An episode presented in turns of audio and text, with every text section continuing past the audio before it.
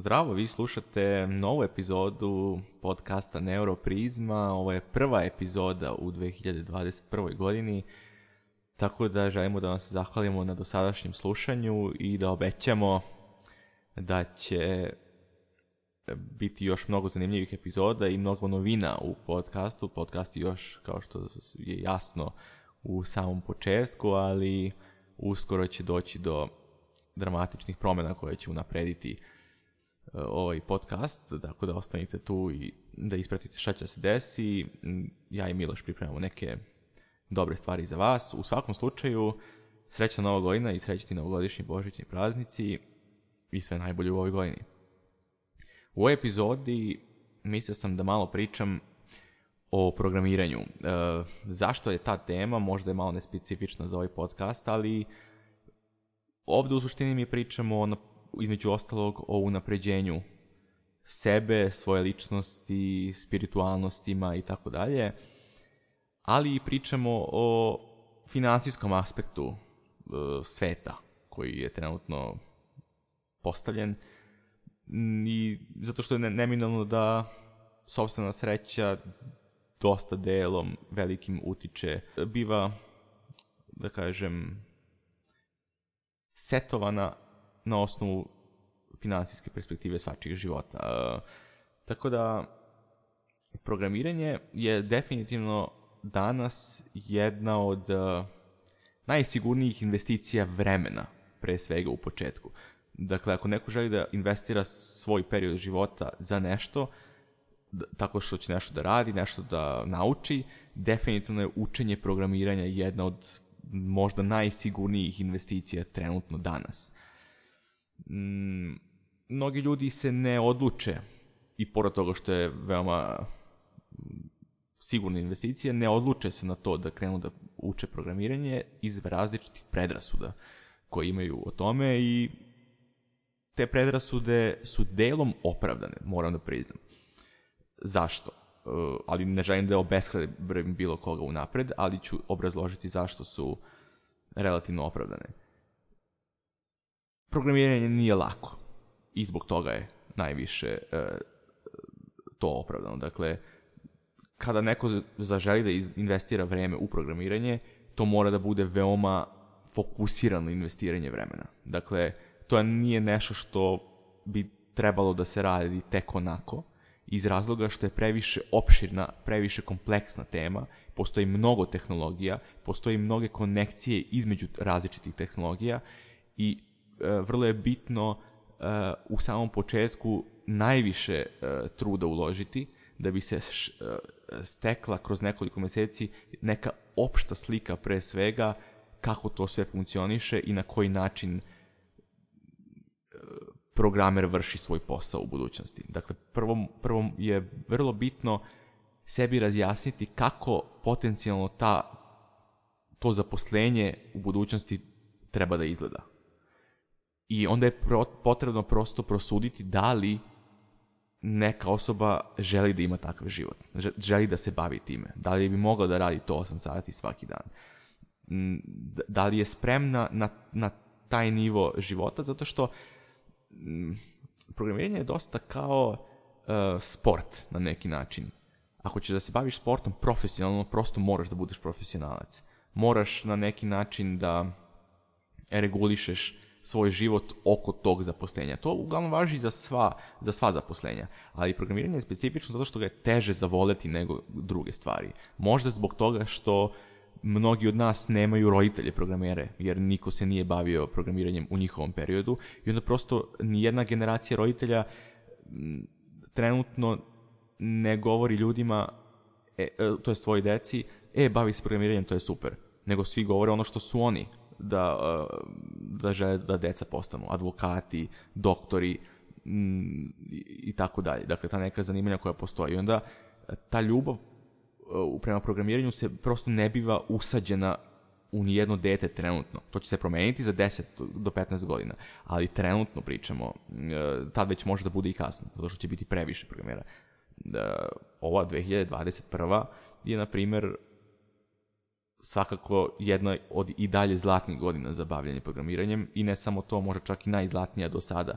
Ova pandemija je uticala na to da generalno mnoge industrije bivaju digitalizovane i to je uvelo ogromnu količinu novca u IT svet. Tako da u budućnosti će samo biti sve esencijalnije e, i esencijalnija uh, IT oblast. Tako da mislim to je moje predviđanje, naravno niko ne može da predvidi ništa što se dešava u budućnosti, ali kada pričamo o relativno sigurnim investicijama i relativno nesigurnim, ovo je bez sumnje sigurna investicija vremena. E, sad, kako izgleda e, prosto početak bavljanja programiranjem, definitivno je upravo to. Dakle, ne krene se odmah, po mom mišljenju, E, sa instaliranjem okruženja i početkom programiranja, znači početkom učenja konkretne tehnologije, po mom mišljenju e, veoma bitno je da se pre svega pogledaš neka šira slika i da se prosto istraži o tome.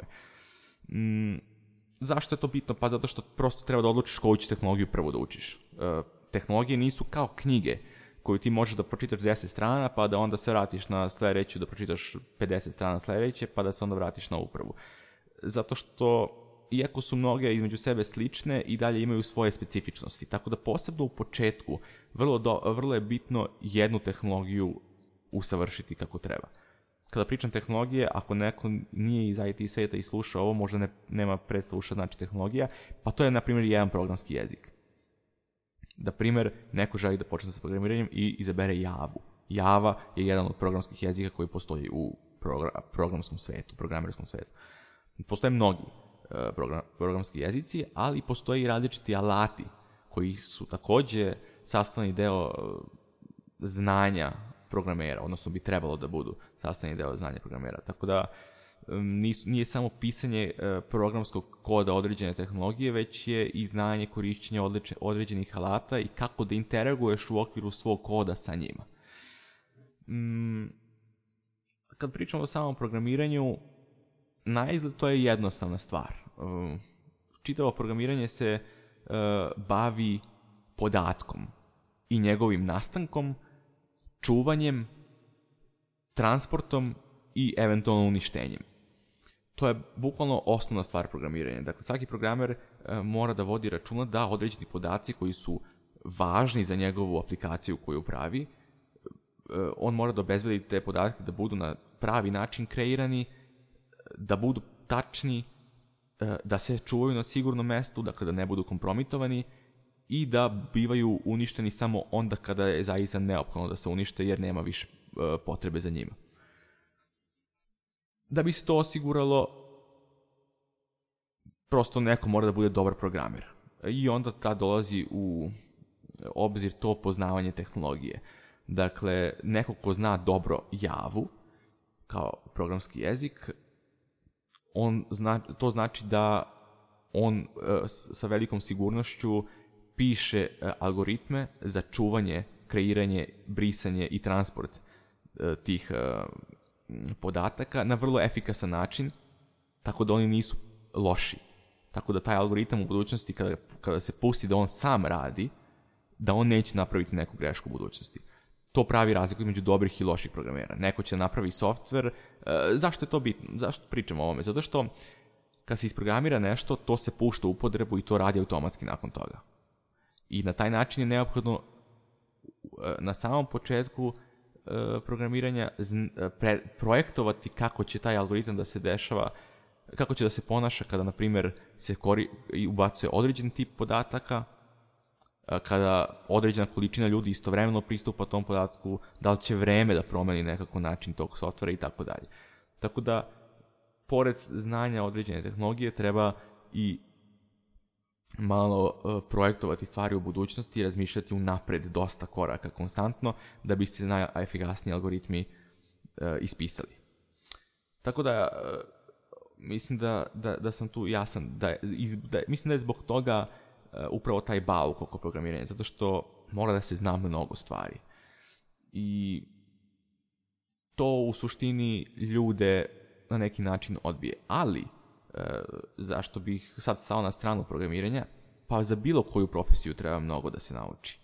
Dakle, šta god uh, ozbiljno i profesionalno da ćeš da radiš, pa čak i da je to popravljanje bojlera – E, po kućama, ako ćeš ozbiljno time da se baviš i da stvarno budeš stabilan finansijski od tog posla, ti moraš da budeš profesionalac. A da bi bio profesionalac, ti prosto mnogo stvari treba da znaš. Za svaku, faktički svaku profesiju. Tako da programiranje ne pravi e, neku e, razliku po, u tom smislu. Jedina razlika tu može da bude što neke profesije stvarno može da naučiš e, do kraja i da je to to. Prosto nema šta više da naučiš jer apsolutno sve znaš.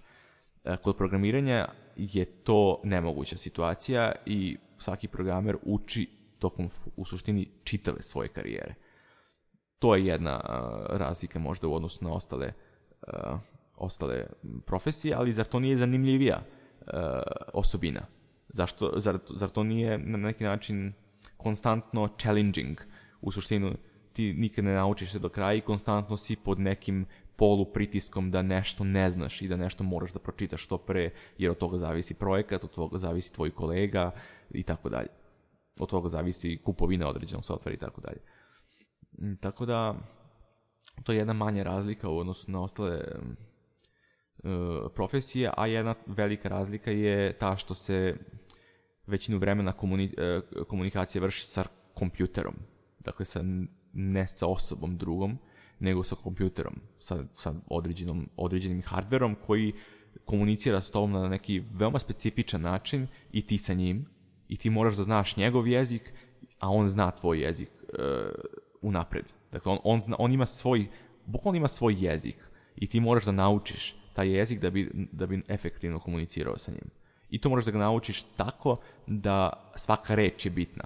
Svaki, svako slovo je bitno. Svaki tačka zarez je bitna, svaka tačka je bitna. Nije kao u komunikaciji sa ljudima gde imaš drugo živo stvorenje sa druge strane i prosto komuniciraš sa tom osobom i pola reči koje kažeš prosto nisu relevantne, ali prosto u žargonu, u žaru govora to se ni ne primeti i prosto vi se razumete na neki način donekle. Progr kompjuter ne može tako da funkcioniše. Kompjuter e, mora da te razume perfektno. Dakle, ne postoji prostora da te on ne razume ili da mu nešto nije relativno jasno. Znači, kompjuteru moraš da se obraćaš tako da mu svaka reč koju govoriš ima tog smisla koji zapravo stvarno treba da ima. Jer ako neku reč iskoristiš u e, pogrešnom smislu, kompjuter će to da razume u pravom smislu i onda neće, neće doći do razumevanja između tebe i njega i nastaće bug u softveru, problem i tako dalje. Tako da moraš da imaš konstantan fokus prilikom komunikacije i to sa neživim bićem što mnogi ljudi ne vole. Prosto ljudi vole okruženje da imaju komunikaciju s ljudima, gde je živo, gde mogu da odu na piće nakon toga s kolegama. Nemojte me shvatite pogrešno, e, postoje odnosi između programera u svakoj firmi i to mogu da budu veoma dobri, ali kad pričamo o većini slučajeva, e, ljudi su prosto manje druželjubivi u IT svetu između sebe e, nego što su to možda u nekim drugim sferama. Nisu naj, najnedruželjubivi, nisu to sve štreberi, nisu to sve ljudi koji su e, povučeni i samo idu hoće, kusa, kuće posao i, i bave se programiranjem. Dakle, većina ljudi nije takva i većina ljudi je vrlo prijatna za druženje i vrlo je pozitivna atmosfera, e, ali nije taj nivo pozitivizma možda koji je u nekim drugim profesijama, prosto eto tako. Mm, tako da, suma sumarum, uh, ako bi mene neko pitao sada sa, i da je pritom bilo koji uzrast osobe koja možda hoće da, sad završava srednju školu pa hoće da krene da se bavi programiranjem, ili je osoba koja je starija od toga i bavi se nekim poslom, ali želi da se prekvalifikuje u ovo, uh, obema osobama bih apsolutno preporučio uh, da probaju, ali, ali uh, bih naglasio da uh, zaborave tu svoju profesiju ili da, ili da zaborave tu srednju školu e, i da e, podignu nivo e, ozbiljnosti na mnogo viši nivo nego što im trenutno jeste kada se upuste u programiranje. Zato što na, samo na taj način to vreme može da bude isplatljivo. E, jer nemojte da me e, shvatite pogrešno isto vezano za ovo, nije svako ko se prekvalifikuje odmah automatski uspešan. Zato što mnogi to urade vrlo lagano i onda završe s nekim poslovima 400-500 evra. Ti poslovi nisu redki. Dakle, programeri u Srbiji imaju 300, 400, 500 evra. Dakle, to nije nikakva zabluda da svi imaju preko 1000, preko 2000, preko 5000. E, situacije je, realnost je takva da e, dosta njih ima 300, 400, 500 evra i to možda nije velika razlika odnosno to što bi, što bi možda radili u kasi na, eh, u, na Maxiju ili u, u prodavnici nekoj obuće ili tako dalje. Dakle, to nisu neke dramatične razlike. To je za ljude koji su prosječni i koji su ušli lagano u to. Oni koji uđu ozbiljno mogu da steknu ogromne količine znanja i samim tim naprave ogromnu razliku u odnosu na druge. I, sa, i onda u tom momentu kreće eksponencijalan rast i e, plata, i bitnosti prosto u firmi i rasta u hijerarhiji i tako dalje. Takođe, neko ko negotivi sam pojam hijerarhije možda ne bi trebalo da se bavi programiranjem, jer sve IT kompanije imaju vrlo jasno definisanu hijerarhiju eh, u okviru sebe. I to neguju prilično jako. Eh, to je možda zbog toga što je većina, to jest većina najjačih uh, Eh, IT korporacije su sa zapada, a prosto hijerarhija jeste taj eh, zapadni eh, model koji je, koji je smišljen u njihovoj kulturi do te perfekcije da oni uh, u svakoj industriji to primenjuju i onda prosto Srb, ljudi sa Balkana kada se zaposle u takvim kompanijama moraju da prihvate tu njihovu kulturu. I to nije bez veze, dakle ja podržavam postojanje hirarhije i mislim da je vrlo bitno da postoji E, to ne samo u programerskim firmama, nego generalno svim stru, e, privrednim strukturama, jer to postiče e, dobru ekonomiju u okviru tog tržišta.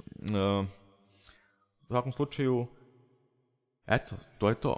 To, je neke stvari koje, to su neke stvari koje sam teo da ispričam oko toga. Nadam se da je imalo smisla za vas i da ćete da poslušate sve te tačke gledišta kada budete eventualno odlučivali vi da se počnete baviti programiranjem. U svakom slučaju, hvala na slušanju i vidimo se u nekoj od sljedećih epizoda. Pozdrav!